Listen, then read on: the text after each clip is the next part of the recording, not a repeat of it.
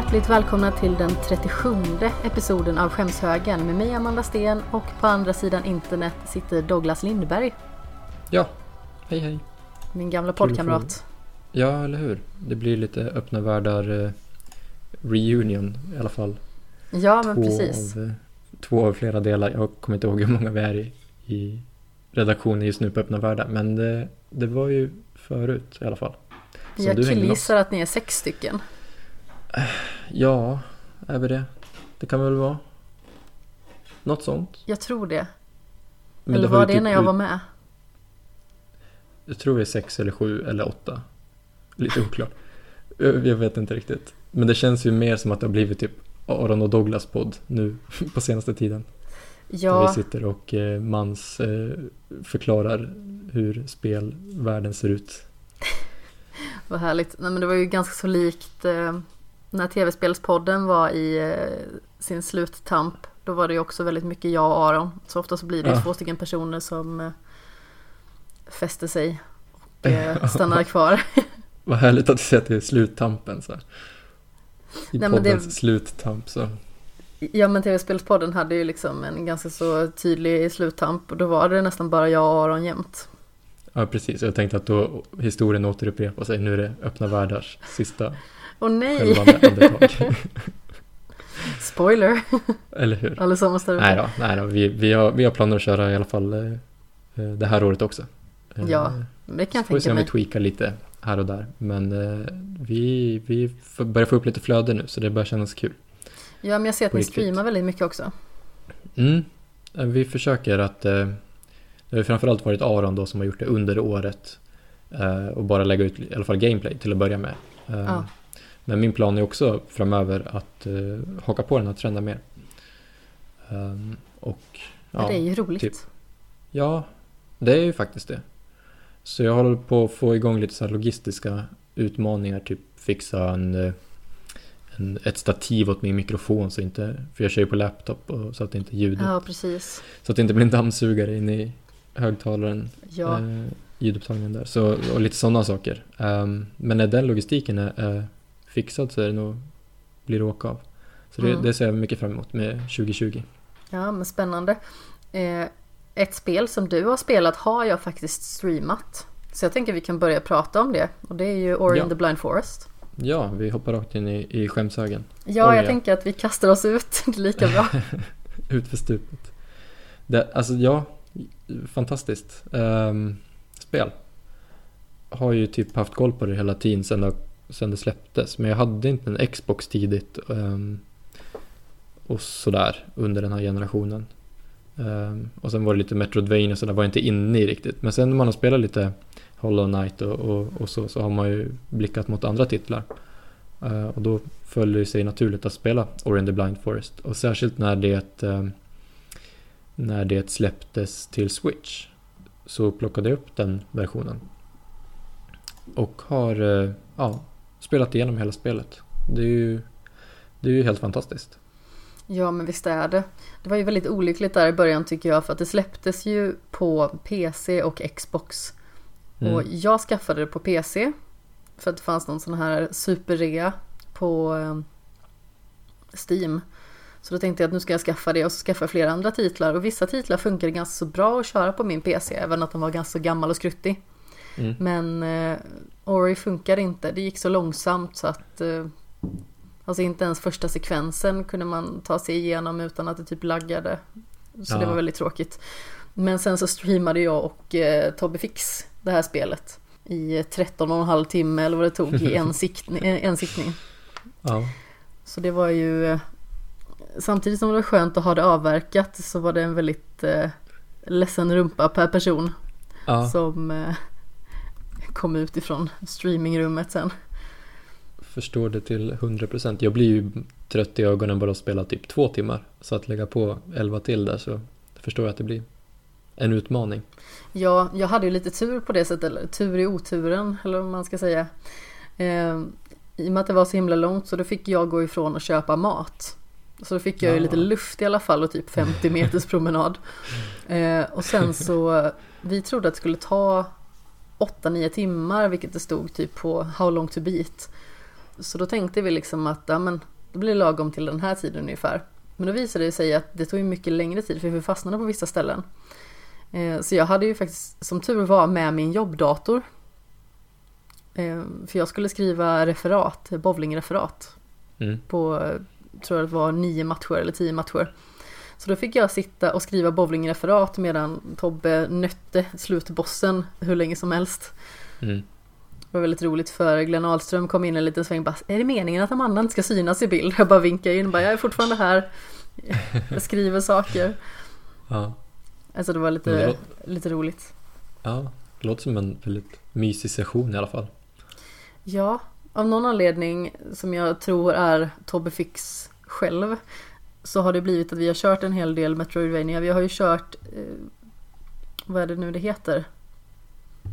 Nu höll jag på att säga Sea of Solitude men det heter det inte alls Herregud Mm. Är det ett nytt eller ett gammalt? Nej, Song of the Deep heter det Song of the Deep, okej. Ja, Inte och hört talas om. Eh, det är ett jättefint eh, litet Metroidvania som tar typ så här 6-7 timmar kanske att klara av. Ja, just det. Eh, under vatten i en ubåt. Och sen så spelade vi ju Gato Roboto också i Mm. våras. Så det har blivit mycket den typen av spel. Men det är väldigt skoj. För det är ingen genre som jag biter tag i så jätteofta. Mm. Jag är inte så bra på Metroidvania. Jag har liksom inte riktigt, eh, ska man säga, jag har inte riktigt tålamodet för det. Det var Mm. just en sån sak som jag inte riktigt uppskattade i eh, varken Control eller i Star Wars. Att det var så mycket harvande fram och tillbaka. Och så tappade jag bort mig. Och så eh, framförallt på Star Wars så tycker jag att det var svårt att följa kartan. Mm. För att jag tyckte att den var väldigt eh, plottrig och osmidig. Just det. Ja, det blir ju någonstans att det är liksom själva uppgraderingen och sådär som är eh, berättelsen. Ja, Att eh, hela tiden ta sig framåt och sådär. Ja, det är också en form av belöning men jag Jag vet inte riktigt, jag har lite svårt för det ändå. Mm. Det krävs ju mycket liksom fram och tillbaka och, komma ihåg var man har varit och sådär. Eh, vilket jag tycker att Ori ändå sköter väldigt bra. Det känns som att det är ett bra tempo genom hela den världen. Ja, absolut. Ehm, Och man behöver sällan springa särskilt långt för att liksom, ta sig tillbaka. Det känns inte så här jobbigt utan det är snarare mer spännande många gånger. Till exempel att man kan börja flyga helt plötsligt. Och ja, då kan jag ju flyga upp till den där plattformen som jag hade där tidigare och, och så vidare. Ja, så men det är ändå rätt väldigt tacksamt att spela. progression. Ja, verkligen. Och jag kan ändå tänka mig att det är tacksamt att spela just Metroidvania på, på stream. För att det känns som att man får liksom små nudges hela tiden så man, man orkar ändå ta sig framåt. Även om det kan vara en, en utmaning i, i plattformselementen så blir man ju väldigt pepp så fort man får en uppgradering. Det känns ju alltid väldigt spännande. Ja men exakt och sen i och med att det ofta finns en chatt med så är det ju väldigt kul för chatten i sig för då har man ofta kommunikationen däremellan Mm. och känner man sig lite borttappad för tillfället så kan man ju helt sonika bara säga liksom åh chatten har ni någon liten hint här vad jag ska för någonstans så blir det i alla fall eh, lite kommunikativt kör man någonting som är väldigt strömlinjeformat och det kan vara kul att kolla på ändå Mm. Eh, Just naturligtvis beroende på vem det är som streamar. Men det blir inte liksom samma hjälpreda som man kanske Nej. kan få av chatten när det är ett spel som är lite klurigare på det sättet. Ja, Men exakt. Metroidvania är som tydligt i sitt upplägg. Det är ju enklare det än att fråga typ, ja men hur tror ni att Ellie mår i den här situationen då? Om man typ spelar Last of Us eller hur, varför reagerade Shepard så här? Det blir som så mycket större existentiell fråga. Här är det ju snarare så här, jaha vad ska jag ha den här klon till typ? Ja men exakt. Jag har ju spelat eh, Gris, eller det första spelet som jag klarade av Mm. i år. Och jag vet att jag slutade spela det lite småförbittrad. Alltså jag tyckte det var jättefint och så. Men jag slutade spela det förra våren och har inte plockat upp det igen. För att jag fastnade på ett ställe och visste inte att jag skulle ta mig vidare. Och sedan har det kommit massa annat emellan som det så alltid gör. Ja. Men det är också jätteströmlinjeformat och helt plötsligt råkade jag hitta ett hål. Och det var det jag skulle ner i. Aha. Och sen så flöt ju allting på hela spelet utan att det var några problem. Så det var ju väldigt lätt i sin progression. Ja. Men samtidigt så var det kunde vara lite klurigt ibland med vissa saker som man kunde göra. För helt plötsligt så ändras vyn så att man ska vara upp och ner till exempel. Så gravitationen blir helt annorlunda och skiftar.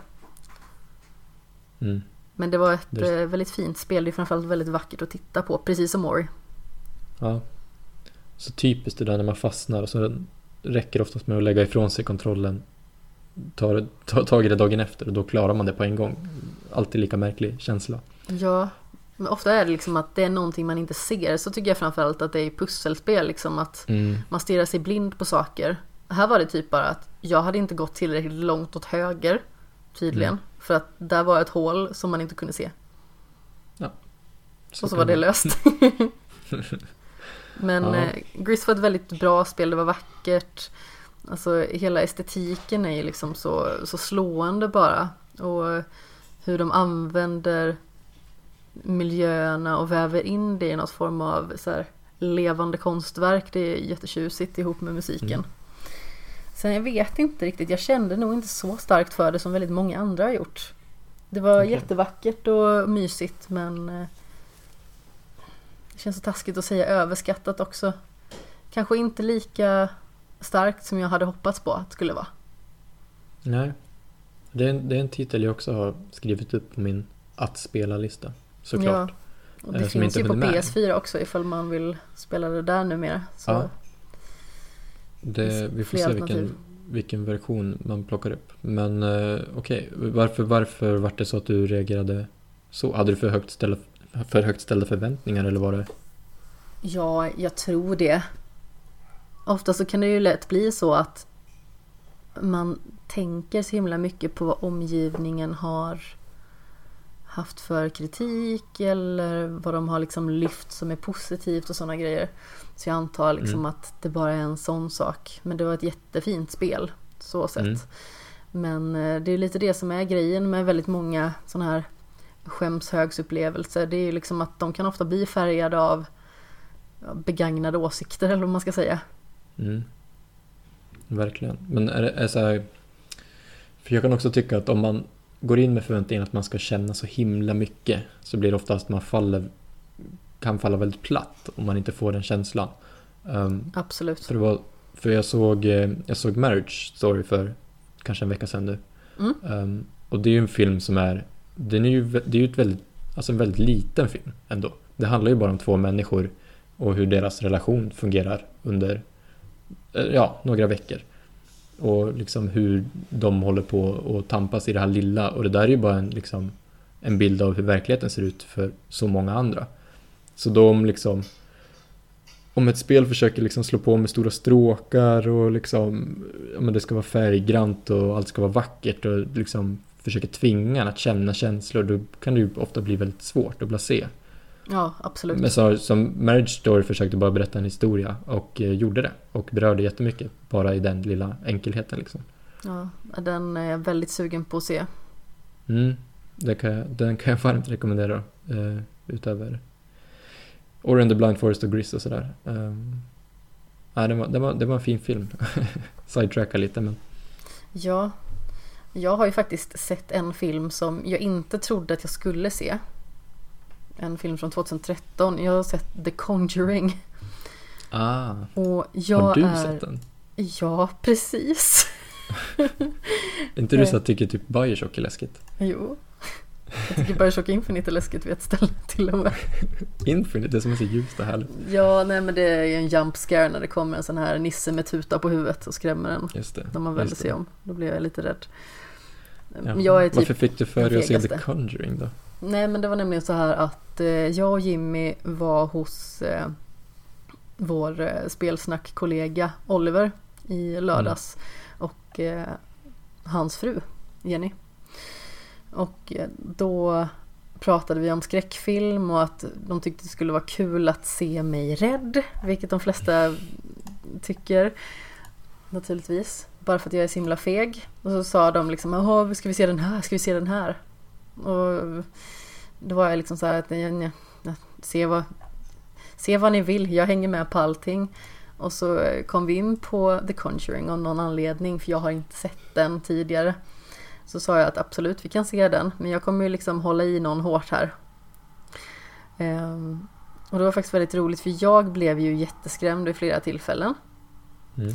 Och de andra har ju sett den innan. Jag tror att Jenny hade sett den flera gånger tidigare. Eh, och mina skrik skrämde henne. Så hon blev skrämd av skriken. Du fick en, en på nytt födelse filmen. Ja, nej men precis. Det är ju en film som handlar om en stor familj egentligen som flyttar in i ett hus som har eh, väldigt onda och osaliga andar eh, fästa i sin grund skulle man kunna säga. Och Mm. hela den här familjen börjar hemsökas av både den ena och den andra ondingen.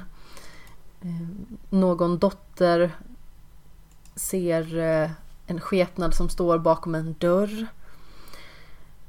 Någon ser eh, liksom en riktigt eh, äcklig häxliknande varelse som sitter ovanpå en garderob. Mm. Sedan så har de ju liksom någon form av lek där de går runt och kör någon form av så här klappkurragömma skulle man kunna säga. Det är en som går runt med ögonbindel och eh, så ska man liksom be om en klapp. Om man är i närheten och då eh, ska man höra den här personen klappa. Och då är det ju exempelvis så sträcker ju några armar som inte tillhör en av de verkliga personerna ut eh, och klappar. Mm. Så ser man två stycken armar som sticker ut ur de hängda kläderna i garderoben och eh, så får man höra ett vilket är väldigt eh, obehagligt Mm. och även Mm. liksom jag tror att det är mamman som går ner i källaren och samma grej händer där. Man bara ser ett par händer som kommer ut ur mörkret och så kommer en klapp. Alltså jag höll ju på att skita ner mig. Ehm, Varför får de alltid för sig så dåliga idéer i skräckfilmer? alltså jag tyckte att den här filmen var ganska bra om jag ska vara helt ärlig. Mm. Ja, jag har hört att själva filmen är bra. Jag tänkte mer Ja. mot karaktärerna. Men vi, det är hur läskigt som helst. Då. Vi går och leker kurragömma. Det låter som en bra idé. Ja, men det var precis innan tror jag som de hade märkt att det började hända konstiga saker på riktigt. För vissa trodde ju liksom Ah, att det var drömmar och så. En Ja. av uh, ungarna hade ju att det var någon som drog henne i benet när hon sov. Mm. Och så trodde hon att det var hennes syster. Men så visade det sig att det var någon stygging som stod och gömde sig där. Men det som är väldigt intressant det är liksom att det blir nästan dokumentärsinriktat i The Conjuring. För att det är två stycken så kallade spökjägare Mm. som eh, den här familjen tar kontakt med. För att de ska hjälpa att driva ut de här onda andarna. Och då tar de liksom in ett helt team i deras hus för att eh, fotografera spökena och eh, liksom eh, få med dem på ljudinspelningar och sådana grejer. Och eh, sedermera liksom utföra någon form av utdrivning och eh, potentiell exorcism och sådana grejer. Och det är framförallt kvinnan i det här paret av spökjägare som Ja, de har, eh, hon har en eh, väldigt specifik förmåga och det är att hon kan se spöken.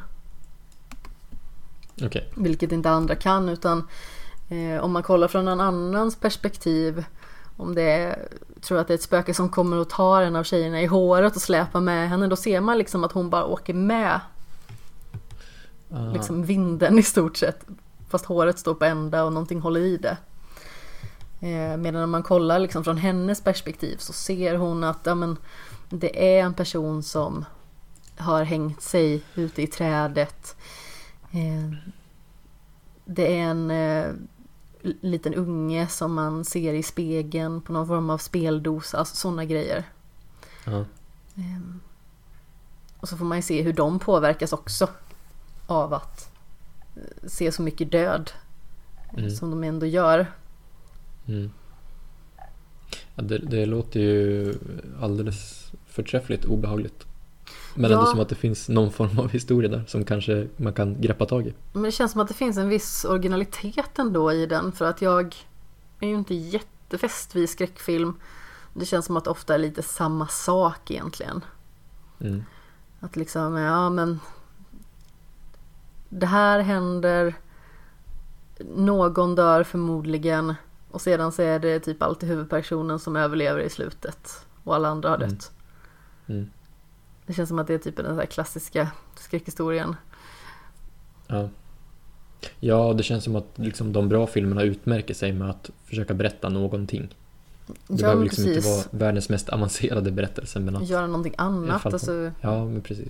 Vi har ju A Quiet Place till exempel som vi kommer få anledning att prata lite mer om sen tänker jag. Mm. Och sen har vi ju Hereditary och Get Out och Us vill jag också se förvisso. Den har jag inte Ja, sett. exakt. Men den har jag också hört ska ha en väldigt så här, intressant premiss. Ja, både Get Out och, och Us verkar göra någonting nytt. Ja, alltså. Jag är inte ett jättestort fan av skräckfilm som tidigare nämnt men The Conjuring kan jag faktiskt väl- väldigt gärna rekommendera ifall man gillar skräckfilm och ifall man inte har sett Mm. den. Om man inte gillar skräckfilm då? Eller alltså inte kollar på skräckfilm? Så den kan vara kul att se ändå. Jag blev ju rädd såklart. Så är man en räddhare så rekommenderar jag att man ser den med någon eller typ i dagsljus eller någonting sånt. Det är typ, Aha. ska jag se skräckfilm själv då ser jag skräckfilm i dagsljus. Ja. För annars börjar jag se saker i mörkret. Det går inte. Nej. Jag är så extremt feg. Ja. Ja, jag förstår. Nej, jag, jag under året, jag konsumerar ju varken skräckfilm eller skräckspel egentligen. Ehm, Men under året så spelade jag ändå. värre. Ja, det kan vara det. I alla fall om det heter PT. Eh, om man blir tvingad att spela det och så vidare. Men eh, under året så spelade jag ju i alla fall ehm, eh, Resident Evil 2, alltså remaken. Ja. Och det, det blev även årets spel. eh, Jaha. för mig. Eh, ja. Ehm, och, men jag vart aldrig så särskilt rädd för det. Nu var det visserligen också att jag pressade ju inte mig själv och satt med hörlurar liksom själv eh, 02.00. Ja, Ehm, precis. spelade mycket på dagen men även på kvällen och sånt där. Men jag tyckte inte att det var liksom sådär så läskigt. Så jag menar, jag kanske blivit äldre och har sett så mycket ändå så att nu kanske man kan hantera det på ett annat sätt. Eh, man har väl blivit härdad av att se hur galen vår värld ändå är så att det där kanske inte är så mycket. Så jag får ge mig ett försök kanske börja kolla på lite mer skräckfilm. Det är nog mer bara det här att det inte ger mig så här jättemycket. Alltså just skräckelementet och det känns ofta som att skräckfilm bara vill skrämma en snarare än att ja, men berätta något då som typ, ja men då ser jag ju mycket hellre en marriage story liksom för att det är ändå ett nedslag på ett annat sätt snarare än Ja. vad en, en skräckfilm kanske är. Jag vurmar ju väldigt mycket för typ tunga, djupa draman och sånt. Så Mm, jag ser gärna sånt istället för eh, skräckfilm som har en tendens att bli lite ytlig. mm, Jag tror att många genrer har liksom ett skikt av den här ytligheten förvisso. Alltså ta bara så här romantiska komedier. Alltså Mm. det kan ju finnas romantiska komedier som har någonting mer att erbjuda. Men det är oftast liksom någon form av lager med all den här ostigheten som man inte vill ha egentligen. mm. Så jag tror att det Ja, är men, så eh, i ganska många filmkategorier. Absolut, absolut. Men man, alltså, inget regel utan undantag. Det är som It också har min, min syster sagt är väldigt bra. Alltså även fast, alltså det är ingen skräckfilm riktigt, tycker hon. Men utan att det är bara en väldigt bra film. Så jag Menar du eh, remaken eller eh, originalet? Ja, remaken. Eh, den som kom 2017. Ja, den första är bra. Den Mm. andra delen tyckte jag var okej.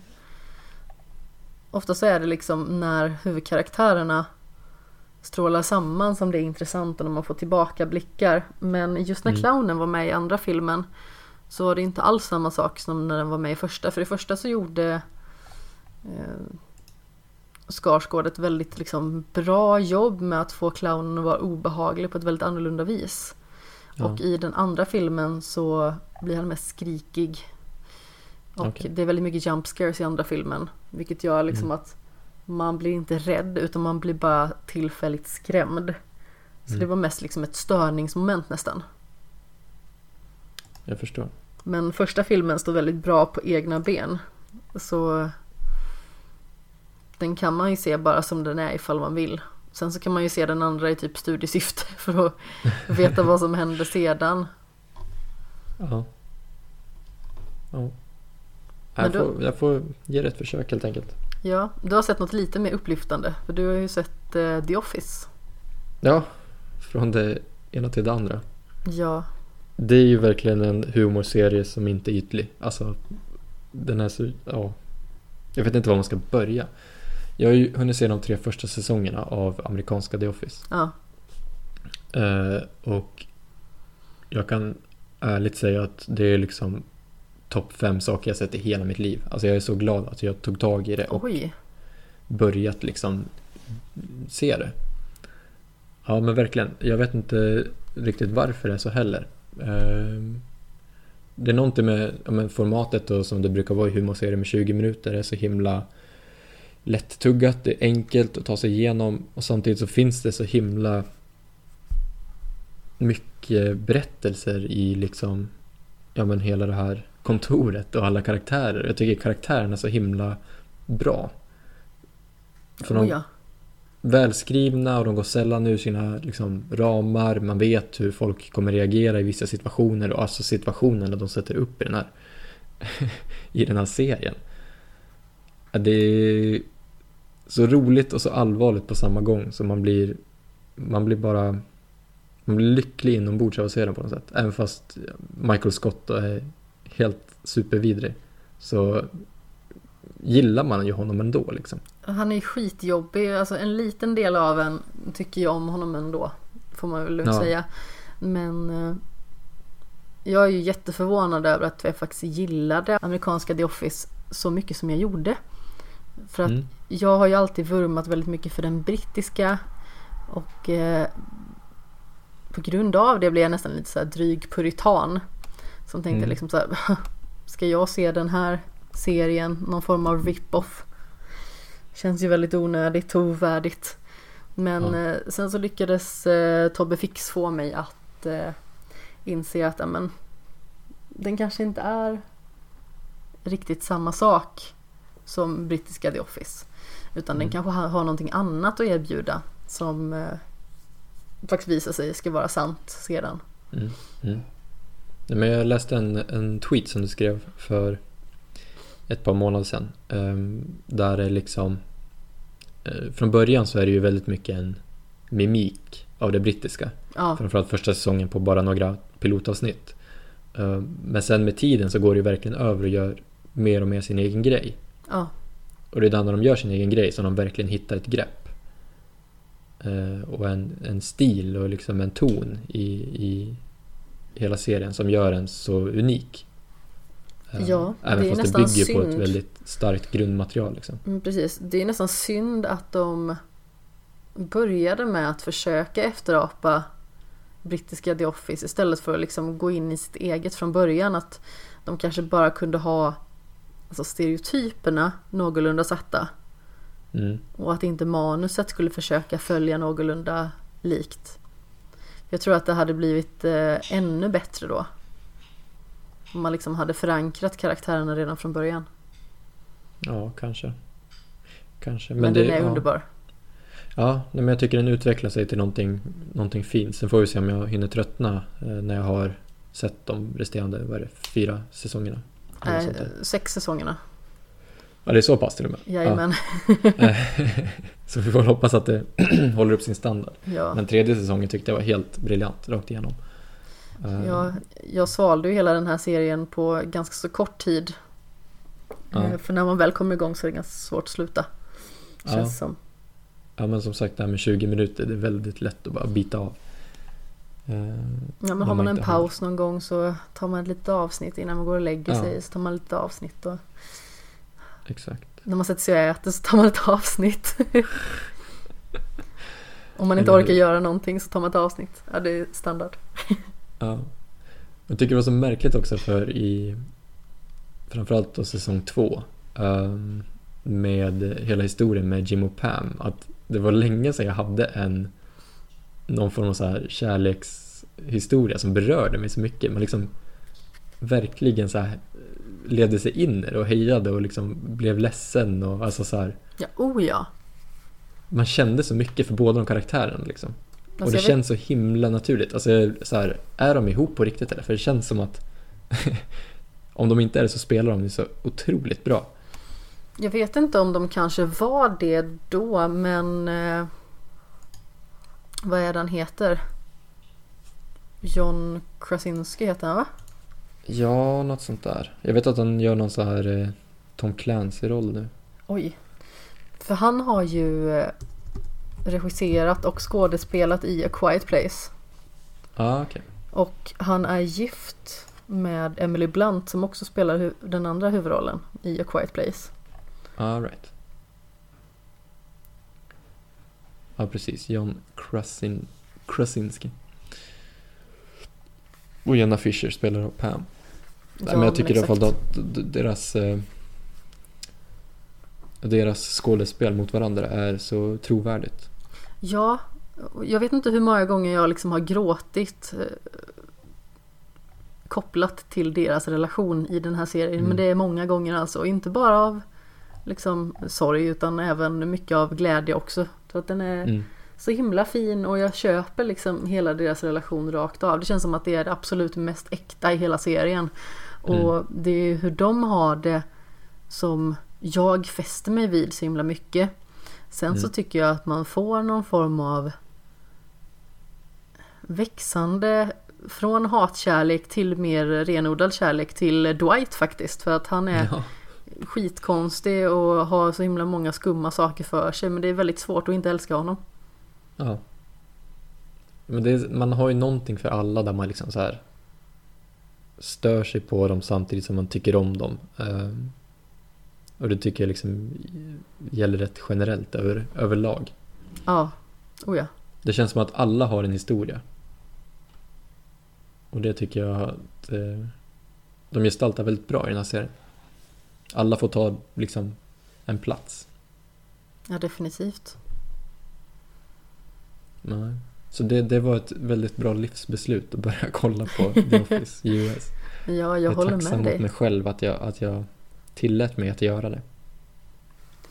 Kände det som ett bra livsbeslut eller mer dödsångest att kolla på Tjernobyl tyckte du?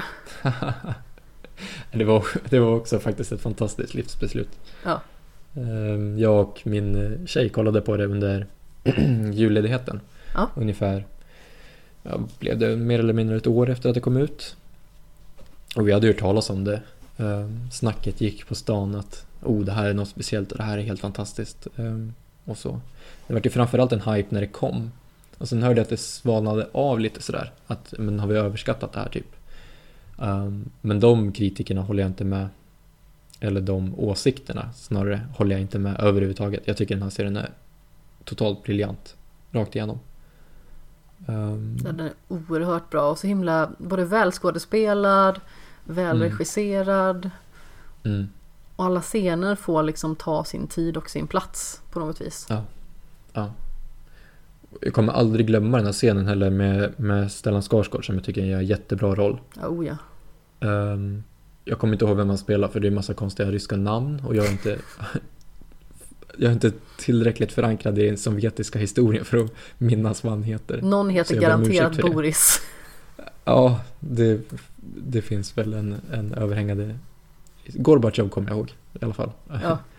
Men, eh, men just den här scenen när han är på hotellrummet med, med sin nya kollega då, och han förklarar att, ja men alltså så här, vad spelar det för roll? Du, alltså, du vet väl att du kommer dö? Liksom. Att du har förkortat ditt liv bara för att vi var i närheten där nu. Du kommer få cancer och dö inom fem år. Och just Ja. den här twisten, att han var liksom ett så här, ja men klassiskt ryskt liksom svin och bara jag eh, har jobbat mig upp inom politiken och du ska inte komma hit och berätta dina teorier. Till att liksom helt vridas om och bara så här. Den här blicken han inser att så här, alltså jag kommer dö. Det är liksom, det är på riktigt. Jag trodde det bara var en, en liten en liten låga i skogen men det var någonting mer liksom. Ehm, jag tycker det är så otroligt bra gestaltat och han är rakt igenom väldigt, väldigt duktig och totalt välförtjänt av sin Golden Globe. Ja, Vilket jag tycker att många i den här serien skulle ha varit. ja men precis. Stellan Skarsgårds karaktär heter för övrigt Boris Sherbina. Ja, du ser. Du hade det på tungan. Det är väldigt bra liksom skådespelare rakt igenom också. Alltså, Mm. Jag är väldigt imponerad över hur serier mer satsar på att faktiskt få in stora liksom, namn.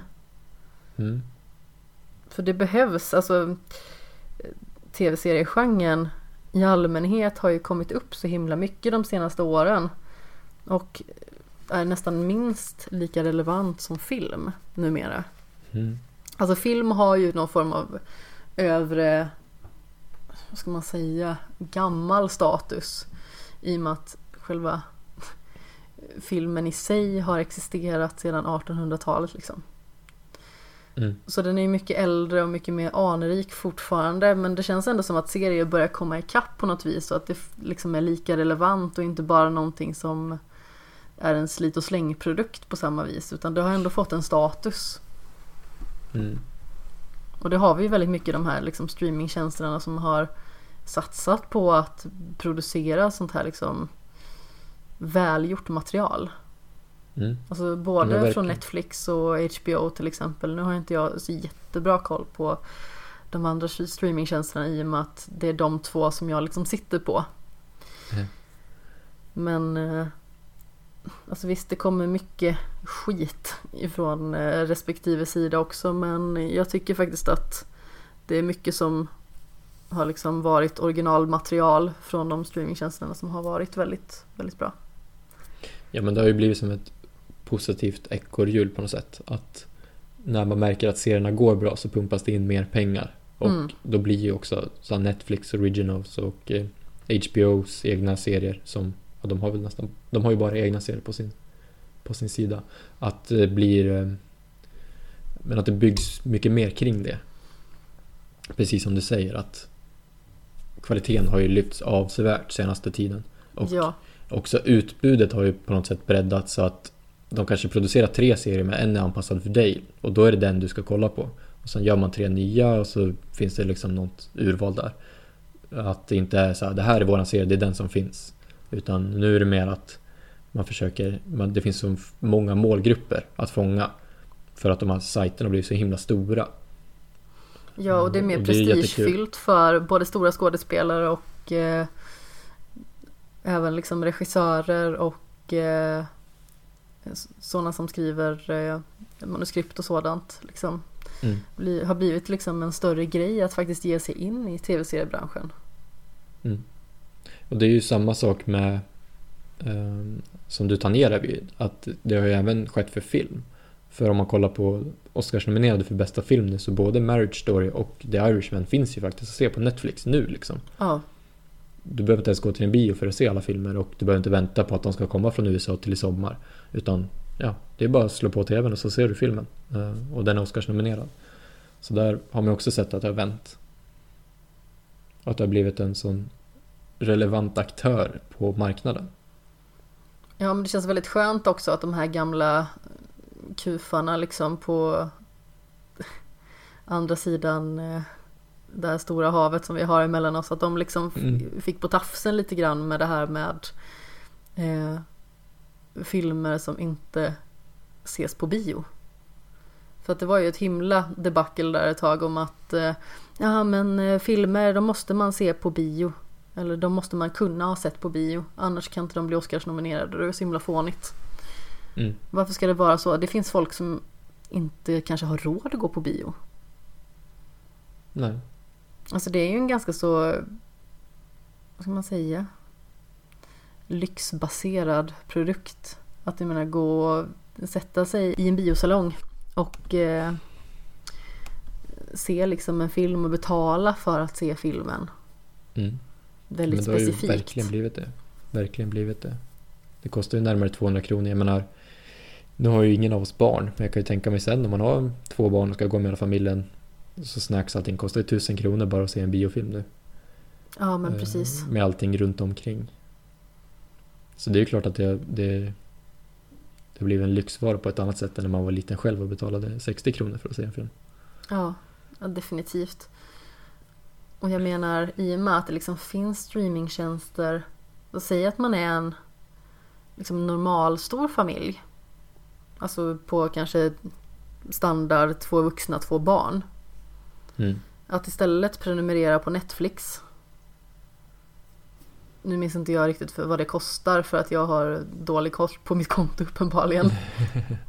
De skulle ju öka det nu precis, det premium, eh, premiumkontot. Ja, Så det vart ju närmare, närmare 200 kronor men inte riktigt. Typ 150-170 kronor kanske. Ja, det är väl någonting i den stilen. Och eh, att ha någonting som nästan kostar lika mycket som en bioupplevelse för en person. Mm. Där det är obegränsat utbud. Och det Mm. dessutom finns saker som barnen kan se och det finns saker som de vuxna kan se. Och det är sektionerat liksom på två stycken olika eh, delkonton eller vad man ska säga. Alltså det är ju Mm. det är dels smidigt och det är dels kostnadseffektivt. Ja. Och så blir man lite, lite, lite irriterad att man inte kom på det här själv för tio år sedan. Eller hur? För tio år sedan, hur gamla var vi då? Jag var 17. Ja, 15. Bara små De kamelfisar. började tidigt, du vet. De här Bill Gates och de där tjommarna. Ja, De De är kanske också rackarna. lite smartare än vad vi är. Inte för att nedvärdera oss, men det är väl kanske fakta. lite. Mitt bästa tips kring bio i alla fall, det är att om du har ett Coop nära dig, skaffa ett Coop, vad heter det, Coop Extra-kort eller något sånt där, så du samlar poäng. Okej. Och sen kan du plocka ut biobiljetter på de poängen. Va? Så jag går ju och ser bio gratis nu, för vi har så ofantligt mycket poäng. Oj. För det går fort att samla. Eh, och sen kan du ta biocheckar för ett par tusen poäng. Nämen. Eh, det är ett hett tips från mig. Eh, Det låter ju Men nu toppen. går jag och ser bio kanske en gång i månaden och inte liksom varje vecka. Så jag kan gå runt utan att behöva lägga ut pengar för det. Det är skönt Så- det. Ja, Jag och det är ganska prisvärt. Jimmy ska gå på bio på fredag. Vi ska gå och se? Parasite. Ah, Och eh, då fanns det två stycken föreställningar exakt samtidigt i Mall of Scandinavia för vi ska dit och köpa en eh, liten present också för vi ska på ettårskalas på lördag. Mm. Och eh, då var det liksom en som var VIP och så var det en som Mm. var vanlig och så gick jag in på VIPen och så kostade den fem kronor mindre per person. mhm. Så kom jag till kassan. Tror du inte de asen hade lagt på 120 kronor då för extra stor stol? mm. Så det var liksom 130 plus 60 per person. Som Ja, inte okej. nämndes någonstans. Vad jag kunde se i alla fall. Så då gick jag tillbaka jag tror- och tog den nej. vanliga. Ja, okej. Vad- Annars kan det vara ganska skönt att ha en sån här. Men var det en, var det en vanlig VIP-salong eller var det en... För jag vet att de har ju en med restaurang. Och det har mina föräldrar varit på. Jag har inte hunnit vara på det än. Jag I tror att Mall det var Scandinavia, och det en vanlig VIP faktiskt. Ja, okej. För om, om det hade varit med restaurang så ser de att det är väldigt värt. För då kan du få in mat och sånt där till, till stolen.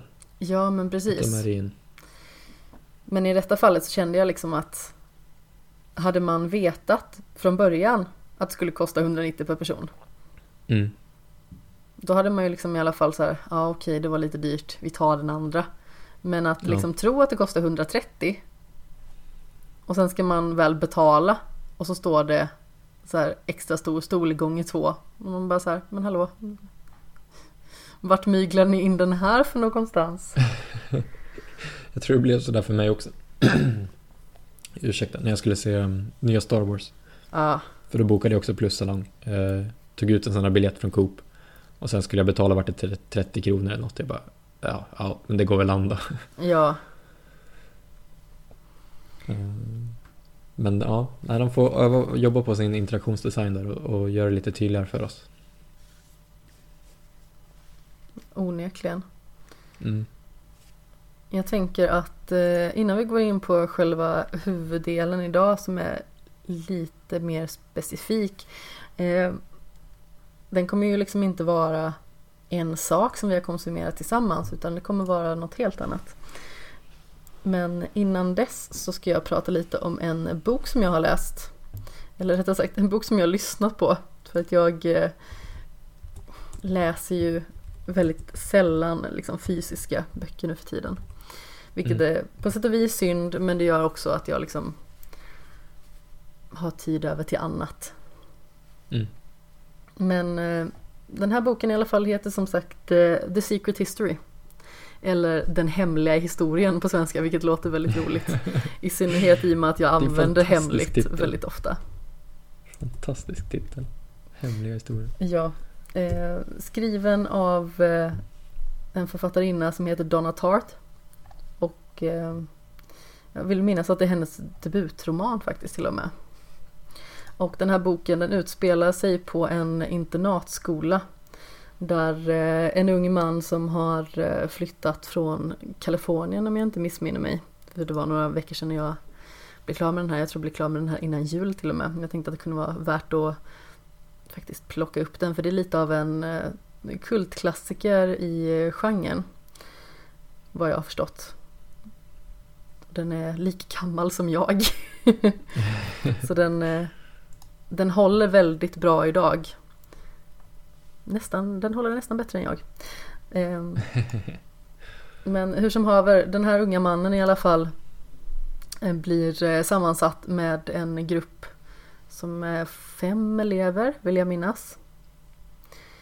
Som eh, heter Charles och Camilla och de är ett tvillingpar. Eh, en ung man som heter Francis. Ytterligare en som heter Henry och eh, sedan en som heter Edmund men kallas för Bunny. Och eh, den här huvudkaraktären då borde vara den femte personen som heter Richard Papen. Och eh, de studerar något väldigt specifikt. De studerar nämligen eh, grekiska och dess kultur och dylikt. Och de har väldigt nära kontakt med eh, en, en professor som heter Julian. Och eh, tillsammans så blir de väldigt sammansvetsade och det är liksom en väldigt, vad ska man säga? Det är en väldigt intelligent klick. Så de har en väldigt specifik jargong och agerar på ett väldigt specifikt sätt. Och det är nästan som att det blir en liten elitistisk grupp. Och i, i slutändan kommer liksom den här boken handlar väldigt mycket om vad som händer när man måste bevara en hemlighet och hur långt man är villig att gå för att bevara den hemligheten. Mm, ja, okay. Så den är som sagt väldigt eh, intellektuell, spännande och eh, det tar ganska så lång tid att komma in i den måste jag dock säga. För att det handlar väldigt mycket om att liksom Alltså dels sätta tonen och hur karaktärerna är mot varandra och med varandra. Men det handlar liksom också om att skapa någon form av helhetsbild innan skit faktiskt börjar träffa fläkten. Mm. Men den ja. är extremt, extremt läsvärd måste jag säga. Och som sagt, mm. jag gillar ju den här spänningen. Det är inte så mycket av ett mysterium som jag trodde att det skulle vara. Men eh, den är spännande för att man hela tiden just med den här hemligheten som de bär på sitter på nålar då. Mm. Så den kan jag rekommendera varmt. Ja, kul. Jag hade faktiskt aldrig hört talas om den. Um, jag har hört talas om Donna Tartt för min Amanda läser uh, Steglistan som hon också har skrivit. Okej. Vad tycker hon om den? Ehm, Eh, jag tror hon tycker den är bra. Jag tror det går lite segt bara men eh, snart så är hon väl igenom den. Um, så jag vet, jag vet, faktiskt ingenting om just den boken förutom att jag då känner igen namnet. Ja. Men hon hade fått den rekommenderat utav en, en morbror tror jag som är väldigt inne på sådana här typer av böcker med intriger och sånt där. Mm. Så... Här blir jag nyfiken. Ja, Donna Tartt får man väl kolla upp. Ja, jag har ju tänkt att ta mig an hennes andra böcker men det kom lite annat emellan. Jag blev lite sugen på att lyssna på Harry Potter igen till exempel. Den lilla goding. Ja, men som man så ofta blir. Jag lyssnar mm. ju på Harry Potter med eh, uppläsning av Stephen Fry. Mm. Och hans eh, sätt att eh, lyfta karaktärerna med, med sin röst. Det är helt underbart. Ja, man kan ju göra jobbigare saker i livet. Ja, så det är... att lyssna på, lyssna på honom. Super, super mysigt verkligen. Mm. Nu när du säger den då, jag kan bara ta en liten snabbis. Jag har faktiskt också börjat läsa en Aha. bok. Eh, Metro 2033. Okej. har jag plockat upp. Um, det finns ju ett, ett välkänt spel, um, Metro 2033, som heter samma sak som boken. Ja. Um, men, jag, men jag kände för att läsa, läsa den. Så på någon sån mellandagsresa drog jag hem uh, de tre böckerna. Uh, och uh, tycker den är superbra. Inledningsvis. Jag kanske kommer så här 100 sidor in. Um, handlar ju då om Artyom som lever i ett Moskva, ja 2033 då. Därefter diverse eh, atomkonflikter och sånt där så är våran värld utraderad eh, och eh, mänskligheten har tagit sig ner, eller ja, i alla fall ryska mänskligheten har tagit sig ner i tunnelbanan. Där de bedriver ett samhälle. Och det finns inte jättemycket mer att säga just nu. för jag är inte klar med den. Men eh, världsbyggandet i den är otroligt häftigt och eh, det är ett bra driv i boken så man blir sugen på läsa vidare. Så jag brukar läsa innan jag går och lägger mig. Eh, ett par 20-talet sidor sådär. Väldigt eh, spännande bok. Ja. Och eh, kan även rekommendera den. Vad Faktiskt. härligt. Jag har hört att böckerna ska vara väldigt bra och eh, bättre än spelen. Ja, som det brukar kunna bli. Eh, Men det är bra karaktärer så jag har ju hört mycket från Aron nu som har spelat det senaste Metro-spelet som Mm. kom under det föregångna året. Han är ju super inne i det med, med hur världen är och allt sånt där. Så jag kan verkligen förstå varför spelen är så bra, alltså rent med världsbyggandet eftersom att man ser det redan i boken. Det har inte varit så här supersvårt för dem att Alltså man kan enkelt visualisera hur det, hur det ser ut och hur det bör kännas. Så där, där känns det nog troget sitt grundmaterial. Vad härligt. Mm. Men Ja, vi ska... En liten parentes bara. Ja, absolut. Vi ska ju ta oss in på vårt huvudämne skulle man väl kunna säga egentligen. Vanligtvis så brukar vi fördjupa oss i någon form av eh, serie, film eller något spel men idag så ska vi prata om vad vi har att se fram emot år 2020.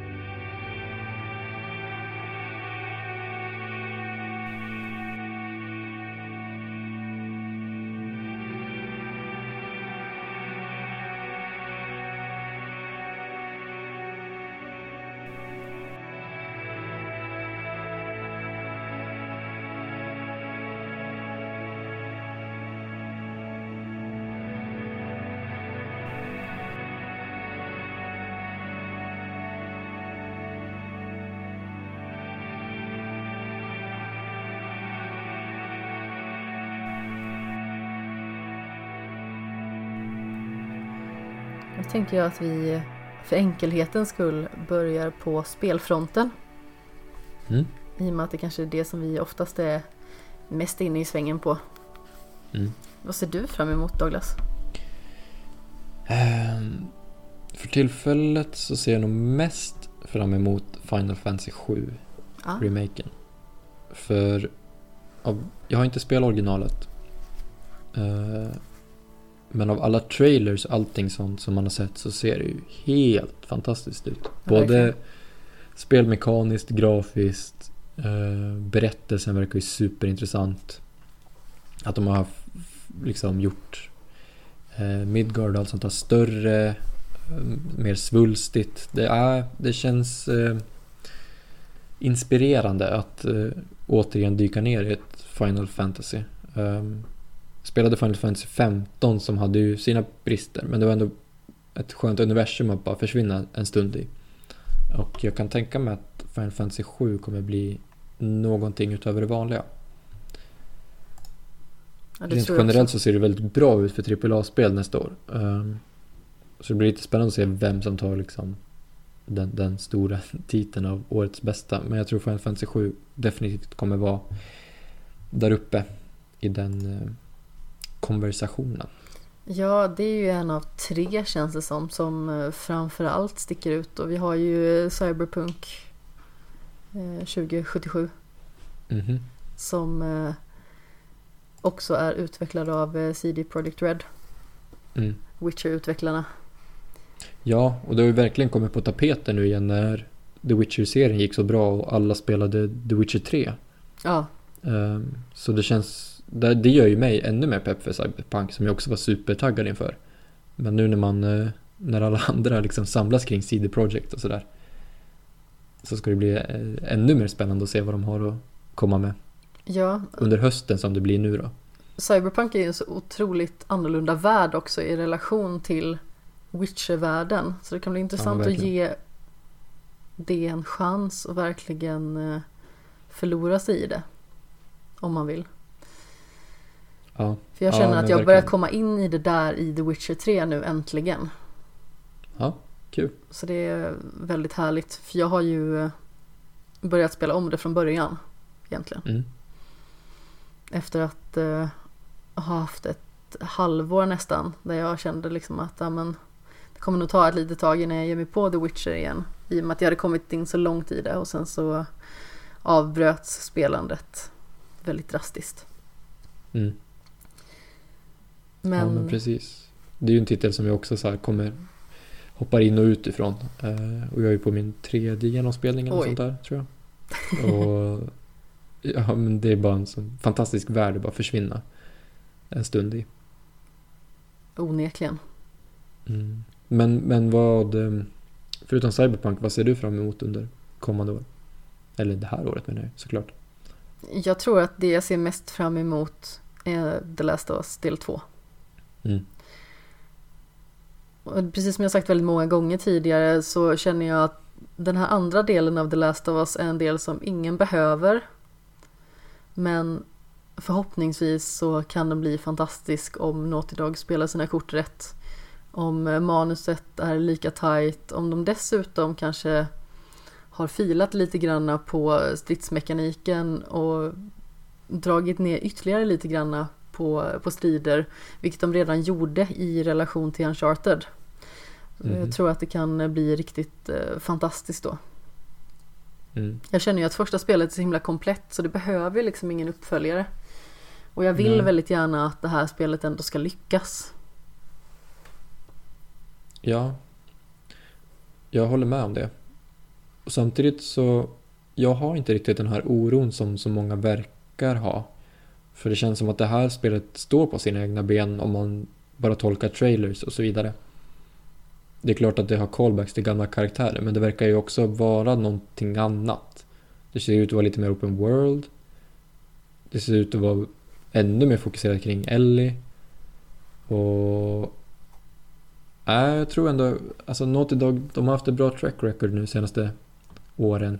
Absolut. Men just att det är en öppen värld lite mer, det ser jag inte som jättepositivt. För det som jag tycker att första The Last of Us gör så himla bra, det är att det är en väldigt linjär berättelse. Mm. Eh, en väldigt tight berättelse. Mm. Så jag hade gärna sett mer av det, fast som sagt i framtiden då, som det uppenbarligen är. Ja, absolut. Och jag förstår de farhågorna också. Um, spelade Lost Odyssey för ja, ett par år sedan nu kanske. Och där finns det ju segment. Det är ju det här fristående Uncharted-spelet. Um, och där finns det segment av Lost öppna Legacy världar. heter det? Ja, det gör det. Jag kanske sa något annat. Jag tror att du sa Lost Odyssey. Ja, okej. Ja, Assassin's Creed har satt sina spår. Ja men precis, Ehm. just det, du spelar i det också. Ja, det, det hände till och från. Eh, men eh, eh, Legacy, förlåt, såklart. Men där är det i alla fall segment där det är lite mer öppna världar. Har du spelat det? Ja, men jag var inte så fokuserad när jag spelade det för det var så mycket Okej. samtidigt. Så Ja, jag jag, har faktiskt planerat att spela om det för jag minns inte så jättemycket av det. Nej, nej, men det kan jag rekommendera att göra. För där, som sagt, finns det segment av så här semi-öppna världar. Lite grann Tomb Raider-eskt. Ja, Och skulle de komma någonstans i närheten av det för ett, ett Last of Us så kommer det bli toppen. För du har ändå ett, ett driv och du kan liksom inte riktigt gå fel. Men du har ändå lite mer så här lite mer fria händer och, och tar dig an världen som du självbehagar. Men på ett, på ett eh, greppbart sätt. Till skillnad från, ja, nyss nämnda Assassin's Creed kanske. Ja men exakt. Sen så eh, pratade vi om Ori innan och eh, Ori får ju Mm. en uppföljare i Will of the Wisps. Ja, Som jag också hoppas kommer vara lika bra som sin föregångare. mm. och jag kommer att tänka på det nu när jag skrev upp saker på min lista inför det här avsnittet. Att just det, men jag spelade ju Ori and the Blind Forest precis. Så det är väl klart att jag ser fram emot Will of the Wisps också. För jag tycker att eh, The Blind Forest eh, med Ori är antagligen det bästa eh, Metroidvania jag har spelat i alla fall. Oj oj oj. Jag har inte spelat alla titlar som finns, typ Super Metroid och sånt där. Eh, Men, men eh, det gjorde verkligen sitt jobb. Det första spelet. Ja, vad härligt. eh, Ja, och det snackas ju om att de ska fixa lite grann i stridsmekanik och lite mer variation. Tajta till Ja. lite. Mm. Så då tror jag att det kommer bli en, en väldigt trevlig uppföljare. Så jag är också såklart taggad på det. Ja. Ytterligare en uppföljare som jag hoppas innerligt släpps i år. Det är ju Super Meat Boy Forever. Ja, Skulle släpps i april i fjol. Men har satts på Ja På bänken lite grann skulle man kunna säga och nu är det lite ovisst om när det släpps. Det står enbart 2020 i nuläget Mm. men jag hoppas verkligen att det släpps i år. Jag älskar Ja. ettan så himla mycket. Det är så förbaskat roligt. mm. Jag har faktiskt aldrig spelat det. Det Men kan det jag rekommendera som och det varmaste. Ja, det lär väl också bli någon gång. Men visst har du spelat Celeste? Eh, ja, typ halva.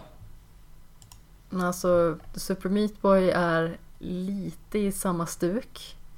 Mm. Eh, lite mer simplistiskt för det är väldigt mycket mer så här att du, att du bara liksom ska hoppa. Mer pricksäkert. Medans Just i eh, Celeste så har man ju lite mer uppgraderingar. Mm. Men eh, Super Meat Boy är av liksom samma stuk. Det är svårt Mm. som attan. Men det handlar också om att lära sig. Man dör, man återupplivas direkt och sen så är det bara att köra på igen. Mm. Så det är liksom det. mest ens envishet som sätter gränserna egentligen. Mm. Vilket Ja. jag tycker om. Ja, jag har haft det på tapeten sen jag såg eh, eh, Indie Game The Movie Åh, för är så ett fin. antal år sedan. Ja, och man vill ju liksom stötta utvecklarna på något sätt och det känns som att de har haft så mycket på sitt bord. Så man vill ju spela det för deras skull på något sätt. Ja, definitivt. Braid är inte jag klar med heller. Borde jag Nej, ta tag i. ja. Det är ju också en titel som man inte har spelat. Men jag har spelat The Witness. Så jag har någonting, Ja, någonting credit i alla fall. Och jag har känt på Fess. Så, Fess har jag spelat. Mm, Braid är jag nästan klar med. Fess har jag klarat. Mm. Sa jag Fess? Det sa jag först. Herregud. Super Ja. Meat Boy skulle jag säga har jag klarat. Mycket Fess. Jag har till och med en festtatuering. Ja, du ser. Ja, just det. Nej, det finns fina indie-titlar. Det gör det definitivt.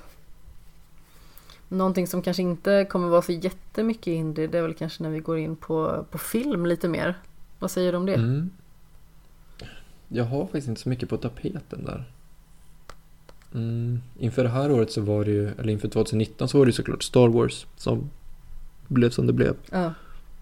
Ehm, men nej, film har jag faktiskt inte så här någonting super pepp inför. Men du kanske kan hjälpa mig med någon titel? Jag har några flera. stycken. Jag har eh, framförallt Dune. June. Ah, just det, just det, just det. Den boken fick eh, Amandas, min tjejs bror, i Okej, julklapp. Så där. Ja, alltså Det det, var jättefint omslag. ja, det har ju funnits en tidigare version och eh, den här ska eh, Denis Villeneuve regissera. Så det är Mm. just därför jag känner mig så otroligt eh, exalterad över vad det här skulle kunna bli för han är så himla skicklig. Alltså både i hur liksom han får skådespelare att fungera tillsammans men också i hur vackert foto han alltid har i sina filmer. Mhm. Så det ska bli väldigt spännande och just den skådespelar-line-upen som han har i Dune den är ganska så imponerande. Vi har eh, Timothée Chalamet, vi har Zendaya, Rebecca Ferguson, Jason Momoa, Stellan Skarsgård, Dave Bautista, eh, Oscar Isaac, Josh Brolin, Javier Bardem. Alltså det är ju ett Oj. stort bibliotek av eh, mycket bra skådespelare och det fanns ett gäng till som jag tror att jag inte har räknat upp dessutom. Så det Mm. ska bli väldigt spännande vart det är på väg. Ja, gud. Ja, det här. Nu, var, nu hamnar det här på min hype-lista också. Ja, men vad härligt. Och Verkligen sen, best of. vi pratade ju lite om A Quiet Place innan. Mm, Och den ska jag faktiskt få en uppföljare. okej. Som likt eh, The Last of Us heter Part 2. Och ehm, A Quiet Place behövde liksom inte riktigt heller någon uppföljare. Den här tar vid i stort sett direkt där den förra slutar. Vad jag har förstått i alla fall. Och sedan kommer det vara lite tillbakablickar. Men eh, den här filmen har också Cillian Murphy. Som jag ju tycker är en eh, riktigt fantastisk skådespelare. Mm. Jag är väldigt sugen på att se Peaky Blinders enbart i stort sett för att han är med i den. Mm. Men den ligger i skämshögen som sagt och har gjort det ganska så länge. Så jag hoppas att jag tar mig an den en vacker dag. Ja. Du bör. Ja och sen så har vi ju eh, Disney som fortsätter lite på sitt sånt här eh, remakande skulle man väl kunna säga. För Mulan kommer ju i år. Just det. Den såg jag trailer för. Ja, den ser ju faktiskt väldigt intressant ut. Men jag var så himla besviken på när jag fick reda på att draken inte skulle vara med. Draken är ju typ min favorit. Gud, det var så länge sedan man såg Ja, men originalet. Mushu som då är draken och sen eh, hans liksom spel ihop med den här lilla syrsan och hästen. Mm. Jag tycker att eh, den trion blir väldigt komisk. Just det. Det kommer jag ihåg. Mm. Eddie Murphy som gjorde rösten där. Just det. Jag har nog bara sett den i, i svenskt format. Som så Mm. många andra filmer i och med att man fortfarande var barn när man såg dem initialt. De här filmerna. Ja. Men vad jag har förstått så ska ju de svenska rösterna på i mångt och mycket alla Disney-filmer, åtminstone de från förr, vara alltså, riktigt, riktigt bra. Och väldigt Mm. lika. Det märker man ju Mm. bara när man liksom ser, tror det var Pocahontas jag såg eh, för ett tag sedan, som jag reflekterade över det, för då såg jag med engelsk röst, vilket jag inte har gjort tidigare. Mm. Eh, och det var riktigt liksom likt. Tyckte jag i alla fall. Ja. Sen Där har kanske- också rätt bra med Mel Gibson och Christian Bale. Det kanske är ett planterat minne också förvisso. men, men jag vill eh, minnas liksom att det är ett... eh, Alltså, Jo, men det är klart. De har ju sett Att bra. avtryck liksom. Absolut. Sen var man ju typ fyra när man såg dem liksom, men det var nog, det var nog ändå helt okej. Kalle Ankas jul, alltså det är ju inte så här superilla röstskådespel där, så man kan väl dra en, en så snabb analys att det, det var nog helt okej. Ja, exakt. Det var nog framförallt de jag hade på filmfronten. Jag hoppas Mm. att det tätar till sig med lite mer som jag skulle tycka var mer spännande. Jag tror att filmåret såg nog bättre ut i fjol vid Mm. start. Men blev inte så jättestorslaget. Det var samma sak med spelåret. Tyckte jag eh, var bra men jag tyckte inte det liksom var så här fantastiskt som många andra tyckte. Nej, nej men jag är beredd att hålla med där. Men som sagt, jag tror att det är för att vi har 2017 och 2018 i ryggen där. Som har varit Ja. två stycken spelår som har varit makalösa. Framförallt 2017. Som jag håller som Mm. typ det starkaste spelåret. Ja, vi fick inget Breath of the Wild i år, om man säger så. Jag har inte spelat Breath of the Wild än. Helt otroligt alltså. jag har ju Horizon till exempel som kom det året. Ja, Bara en sån sak. bara en sån sak ja. Ja. Men har vi eh, några tv-serier? För, alltså, I fjol så var det ju ett extremt starkt tv-serieår. Det Mm. var otroligt bra och det fanns så himla många bra serier och Chernobyl fick inte ens plats på min topp 5. Det är så pass till och med. Ja. Jag tyckte det var så himla mycket som var ruskigt bra. Ja. Alltså jag, jag såg ju Watchmen förra året Ja, på HBO. Och det är ju typ det bästa jag har sett sen True Detective. ja oj. Ehm, ja, jag tyckte den var helt briljant rakt igenom. Um, framförallt ett avsnitt där mot slutet som är helt extraordinärt. Ehm, Jag måste plocka upp Men- den igen för jag har ju bara sett ett avsnitt. Jaha, okej, okej, okej. Eh, Då får du säga till när du kommer till det åttonde avsnittet. För det är så jäkla välkomponerat. Så, ja. Men det, det, det är liksom eh, superintressant premiss, knöt ihop alla trådar och allt sånt där. Så det står väldigt bra på egna ben. Det skulle ju komma en till säsong, det var klart. Men eh, Damon Lindelöf som har gjort den eh, har ju hoppat av. Ja, okej. Så det kommer inte komma um, någon uppföljare. Jag tror det bara blir en säsong. Jaha. Och det är ju så här bra och dåligt i sig. Men så det var ju det jag var pepp på inför det här året då. Men ehm, så det är ganska tomt även här för min del. Ja, Eh, jag är lite mer så här konsumerar typ det som det snackas om. Snarare än att söka upp titlar. Så du får återigen eh, eh, vad ska man säga, frälsa mig i vad som kommer komma. jag har inte så jättemycket på min lista heller om jag ska vara helt ärlig. Eh, La Casa de Papels fjärde säsong och dessutom avslutande säsong kommer Mm. eh, i april. Vilket jag ser så extremt mycket fram emot. För att det är en serie som eh, Den är så fantastiskt bra, verkligen.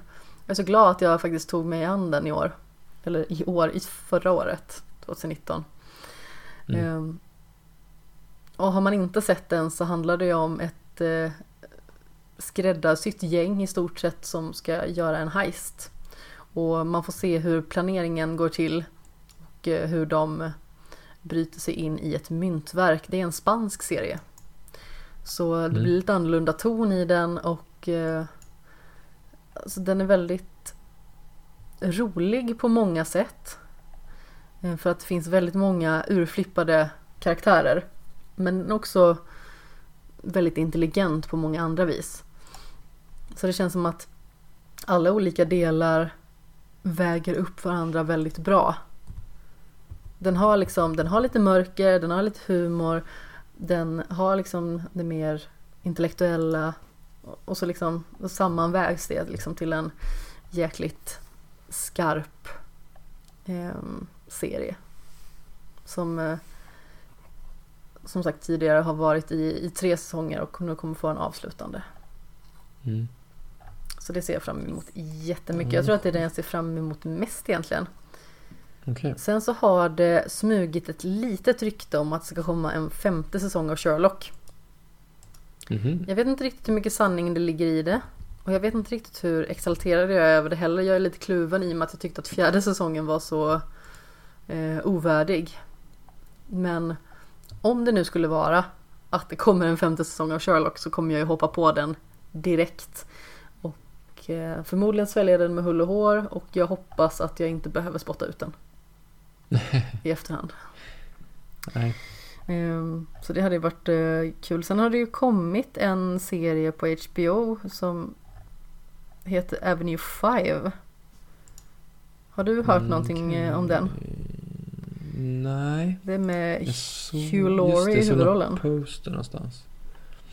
Just det. Josh Mm. Gad och Zach Woods vill jag minnas också är med. Mm, ja. Det stämmer. De har gjort ganska mycket reklam för den på just eh, HBO. Mm. Och det ska väl vara lite eh, humor, science fiction åt det hållet. Så jag funderar på om man ska ge sig på den. Men den har ju släppts Ja. i år. Det är någon som har gjort Veep som har gjort den också som jag har hört ska vara ganska rolig. Ja, ja men den har jag hört nämndes bara för någon dag sedan. Eh, Okej. Så det, Jag tror den är lite mer relevant för så här amerikanska publiken för det är ju mycket om den amerikanska politiken då. ja men exakt. Alltså Veep specifikt. Sen så har ju en väldigt bra serie redan släppts i år. Den släpptes för fem dagar sedan eller någonting sånt. Och det var ju andra säsongen av Sex Education. Ja, just det. Den borde man verkligen Just se om man inte har tagit sig an den än. Alltså både första säsongen och andra säsongen är så otroligt roliga. Så man vet typ inte riktigt var man ska ta vägen. Nej, Och har man inte Det- sett den så är det ju liksom en historia om en eh, ung pojke som går på typ gymnasiet eller vad man ska säga i eh, England. Och eh, i och med att sex blir mer och mer aktuellt så, så blir det liksom en, en uppbyggande nyfikenhet. Eh, han känner att han är ganska mycket efter men i och med att hans mamma är sexualterapeut så har han ganska så mycket teoretiskt. Så när det liksom börjar komma fram att det finns ganska så mycket problematik hos många av ungdomarna, liksom saker de undrar över eller att de känner press och sådana saker. Då börjar han tillsammans med en tjej ge ut eh, sexualråd i skolan. just det. Och den är Det är en intressant premiss. fantastisk verkligen. Mm. Superrolig, Alltså, här- välspelad för att vara liksom en ungdomsserie. Ja, Och jag önskar verkligen att en sån serie hade kommit när jag var i tonåren. Alltså dels så hade jag älskat det för att den är så fantastiskt bra. Och dels så känner man liksom så här att de tar upp sådana saker som kan vara väldigt viktiga och som inte är så självklara för alla. Mm. Alltså det är liksom inte bara det att de går in mycket på, på sex i allmänhet.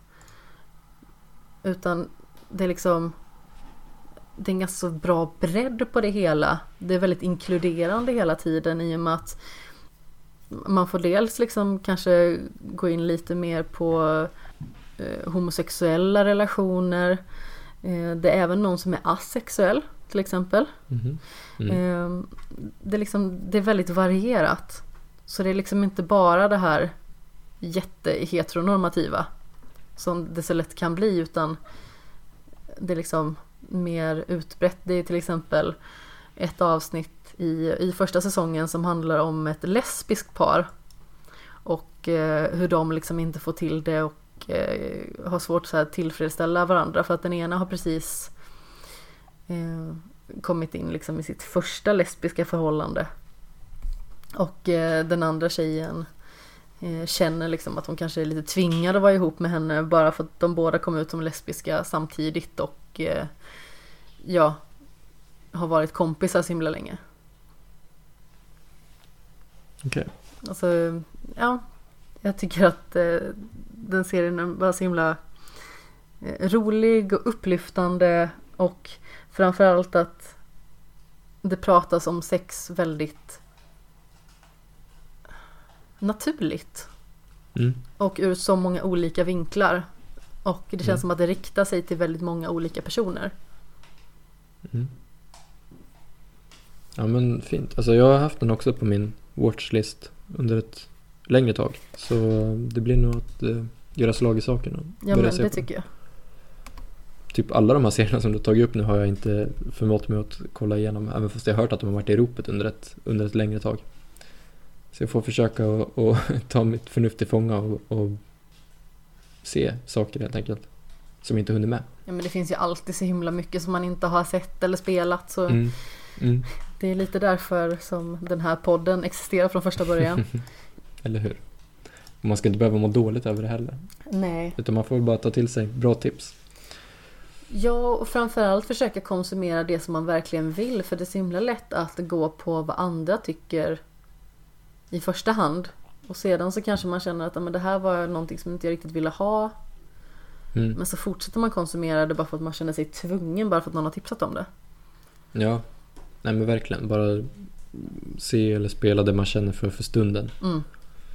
Ehm, om man inte behöver täcka det kanske för ja, poddsyfte då, som vi brukar göra ibland. Ja men, exakt. Att, eh, men att när man väl har sin fritid att man spenderar den på någonting trevligt. Det är ju alltid trevligt. Ja och framförallt så känns det som att chansen är större att man faktiskt blir nöjd med sina upplevelser och att man eh, får trevligare stunder för sig själv. Ja, verkligen. Så att man liksom inte bygger frustration över att det som eh, pratas om ska konsumeras eh, påtvingas på något vis. Nej. Nej men verkligen, verkligen. Nej, nu vart jag pepp. Uh, ska ner till Skåne och jobba i helgen. Så Okej. jag ska nog ta med mig Sex Education då. Ja. på. Det tycker jag definitivt att du ska göra. Mm. Verkligen. Ja, Det blir. Det blir. Tack för tipset. härliga tider. Men jag tänker att vi ska börja runda av Mm. för dagen. Vad ska du hitta på nu? klokt. Ska du sätta dig och kolla på någon härlig serie? Eh, nu ska jag äta fiskpanetter. Med remouladsås. Nämen. Och sen så får jag se lite grann vad som händer. Jag håller ju på att eh, spela nya Dragon Ball Ja, för just det. öppna världar. Så det kanske blir att fortsätta det. Hur långt Eller kommer så den? blir det ett par Hearthstone-matcher och lite Office som Ja, vanligt. det är också en mysig kombination. Ja. Så något av det Ja. hade jag nog tänkt göra under Hur kvällen. långt kommen är du i Dragon Ball? Jag har kanske spelat snart 10 timmar Okej. Ungefär. Ehm, Så inte jättelångt helt enkelt. Jag har för mig att det ska vara ungefär Om man kollar med cutscene så skulle det ta 40 timmar. Ja men bara precis. Det är väl fyra Mm. stycken distinkta delar vad jag har förstått. Ja, de har ju bakat in hela Dragon Ball Z-serien eh, i det här. Och jag har ju bara läst eh, mangan som barn. Ja, Att den här original eh, kring Goku och sådär. Eh, så det här är faktiskt ganska kul att ta sig an. Det känns verkligen som att man kastas tillbaka och man kommer ihåg mycket mer än vad man tror. Eh, från, från mangan. Eh, så det, det känns, ja, det är faktiskt över förväntan än så länge. spännande. Själv Mm, tror jag att jag ska verkligen. sätta mig efter att jag hade redigerat och kanske ta någon eh, bana i Steamworld Heist för jag spelar om det nu på PS4. Ah, Och eh, värma upp för att slutligen då spela ännu mer The Witcher 3. mm. Det låter mycket bra. Ja, Mycket trevlig kväll. men du och jag får eh, helt enkelt prata snart igen tycker jag. Ja, absolut. Det finns alltid saker att beta av i ens skämshög. Ja, absolut. Och eh, om man vill ha kontakt med dig på något vis eller höra mer av dig, vart finner man Mm. dig då för någonstans? Eh, Twitter är väl där jag sprider min eh, ja, falska marknadsföring bäst, eller vad man ska säga. Eh, där heter jag Douglas Lindberg i ett ord, eh, ingen punkt eller något sånt. Så det är alltid bara hojta om det skulle vara något särskilt. Och sen så självklart i öppna världar, som du tidigare var en del av och som vi kör vidare med. kommer komma lite trevliga nyheter där alldeles strax. Så det är bara att hålla utkik i era poddflöden. Mm. Och på sociala medier. Härliga tider. Och eh, Ja. skämshögen hittar man naturligtvis också på sociala medier i form av snabel skämshogen på Twitter och Instagram. Finns på Facebook och där poddar finns går även att mejla på eh, gmail.com och mig ifall man vill ha tag på mig och någon outgrundlig anledning så heter jag Kapten Sten. Sten med två E på både Twitter och Instagram. Men eh, det är dags att kalla det en dag. Det är det. Du får ha det så himla bra Douglas. Ja men detsamma, detsamma. Och eh, alla kära lyssnare där ute. Alla tre. Puss i ljumsken. Hejdå.